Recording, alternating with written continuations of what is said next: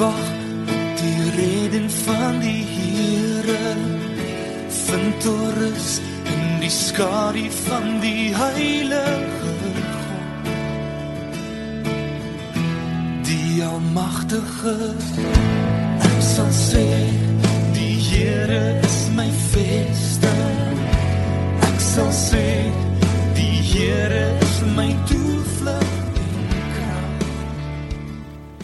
Goeiedag eh, geliefdes. Hier in die middel van die week bring ek vir ons 'n bemoedigende boodskap uit eh, 2 Korintiërs hoofstuk 7 en ek gaan lees vers 9 en 10. Paulus skryf: Nou is ek egter bly, nie omdat ek julle hartseer gemaak het nie, maar omdat ek julle so hartseer gemaak het dat julle tot inkeer gekom het. Julle was immers hartseer soos God dit wou hê.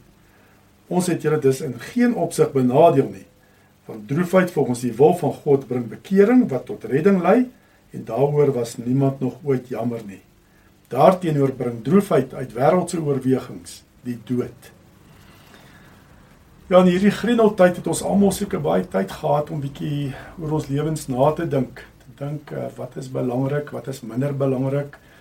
Ehm um, hoe het ek gelewe? Hoe wil ek my lewe verander na die grendeltyd? Ehm um, waaraan moet ek dalk meer tyd spandeer en waaraan minder tyd spandeer? Ehm um, ek glo ons almal gaan nie presies net aangaan na die grendeltyd soos wat ons voor die grendeltyd geleef het nie. Uh baie mense praat van die nuwe normaal. Daar's 'n nuwe normaal wat wag. En ek glo ook dit is die die doel van die Heilige Gees ook om hierdie tyd uh wat die Heilige Gees jou lei om jou lewe te herëvalueer om te dink, nuwe prioriteite te kry in jou lewe. Wat is belangrik en wat is minder belangrik? Om jou lewe meer in lyn te kry met God se wil vir jou lewe. Nou kan dit gebeur dat jy in hierdie tyd van herëvaluasie eintlik verskriklik skuldig begin voel, skuldgedrewe. Dat jy voel maar ek voel ek skuldig want ek is nie goed genoeg Christen nie. Ek lees my Bybel nie. Ehm um, genoeg kere nie. Ek bid nie goed genoeg nie. Ek gee nie goed genoeg nie. Baie keer voel ons dalk ehm um, na ons stilte tyd met die Here meer onvervuld omdat jy voel maar jy het nie uh, diepte, daar was nie diepte in jou verhouding met die Here. Jy het nie jou Bybel in diepte gelees nie. Jy het nie genoeg voorbereiding gedoen nie. As dit die geval is, moet ons baie keer pas op dalk het ons nie te doen met die Heilige Gees se oortuiging van sonde nie, maar het ons eintlik te doen met die aanklagte van die duiwel dat hy eintlik besig is om my aan te val. Want die Heilige Gees se oortuiging van sonde en die duiwel se aanklagte kan beide 'n droefheid in my lewe, 'n jammerte, 'n hartseer in my lewe veroorsaak. Ehm um, en daarom moet ek onderskei, wanneer is dit van die Heilige Gees en wanneer is dit van die duiwel? Om te bepaal wat die drom wat om te bepaal wat die bron is van jou hartseer, die droefheid in jou lewe, is dit nodig dat jy jou uh um ervaring, jou emosies sal ontleed. Reflekteer jou emosies, die droefheid, reflekteer dit die waarheid of reflekteer dit leuns, gebou op leuns? Want die duiwel kan ook kom en leuns saai in jou lewe. En hy kom dit ook met sy aanklagte. Kom saai leuns in jou lewe met sy aanklagte en dit bring ook 'n droefheid in jou lewe. Hierdie aanklagte van die van die duiwel is gewoonlik gerig op jou wese. Nee, jy jy is, jy voel skuldig, jy is skuldig, jy voel skuldig, jy voel waardeloos. Jy voel um onnosel. Um jy voel maar net nie goed genoeg nie. En dan is dit die waarheid, dan sê ons nee, vir ons die woord is dit nie die waarheid nie. Ehm um, voor God se regterstroon staan jy nie meer skuldig nie. Is jy nie meer skuldig nie want jy's geregverdig deur jou geloof in Christus. Ehm um, jy's uh, in Christus ons glad nie meer staan ons glad nie meer veroordeel nie.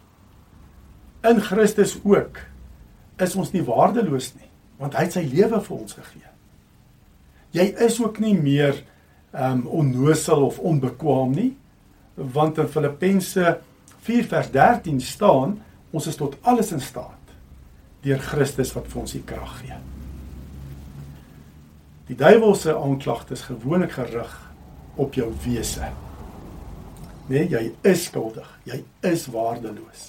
Jy is maar net nie goed genoeg nie. Jy is 'n fout. Jy is onnoosal. Nee, dan jou wese en eintlik jy is 'n fout. En jy kan eintlik niks daaraan doen nie. En dit maak jou moedeloos.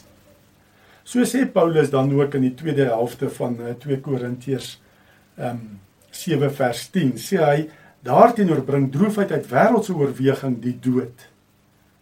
Deur hierdie aanklagte, beskuldigings van die duiwel, nê? Ehm laat hy saai 'n plant eintlik 'n saadjie van twyfel. Is ek ooit 'n kind van die Here? Want ek voel maar net nie goed genoeg nie.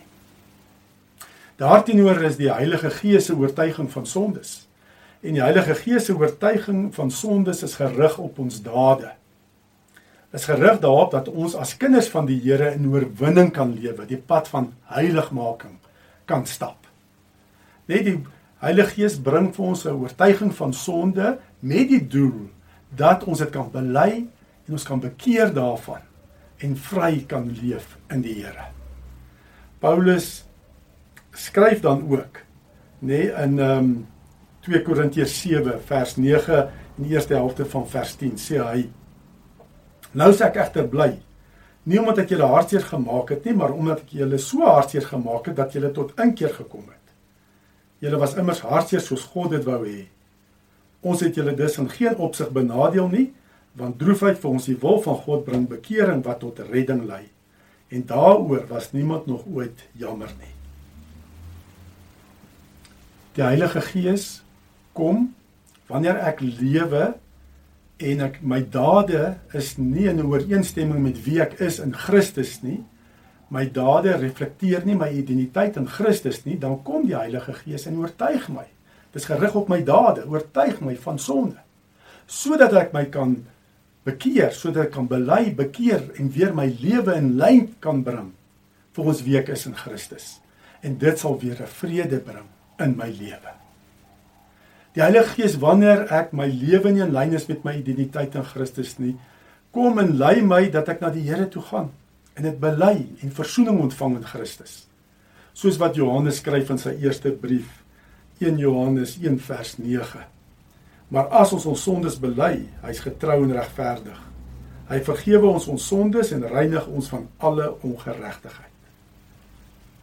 Sodra jy jou sondes bely, en jou bekeer daarvan.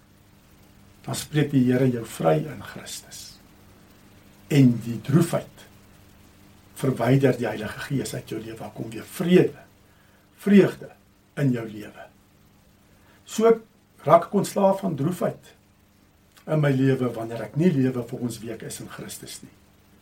En ek kan ook my my my vryheid in Christus handhaaf deur te bly lewe vir ons week is in Christus. 'n bekeringslewe ook te lei. Ek leef vir ons wekens in Christus, 'n vrygespreekte heilige kind van God. Kom ons bid saam. Dankie Here vir die droefheid van die Heilige Gees wat my bring tot belydenis en bekering as ek sondig. Amen. Sal sê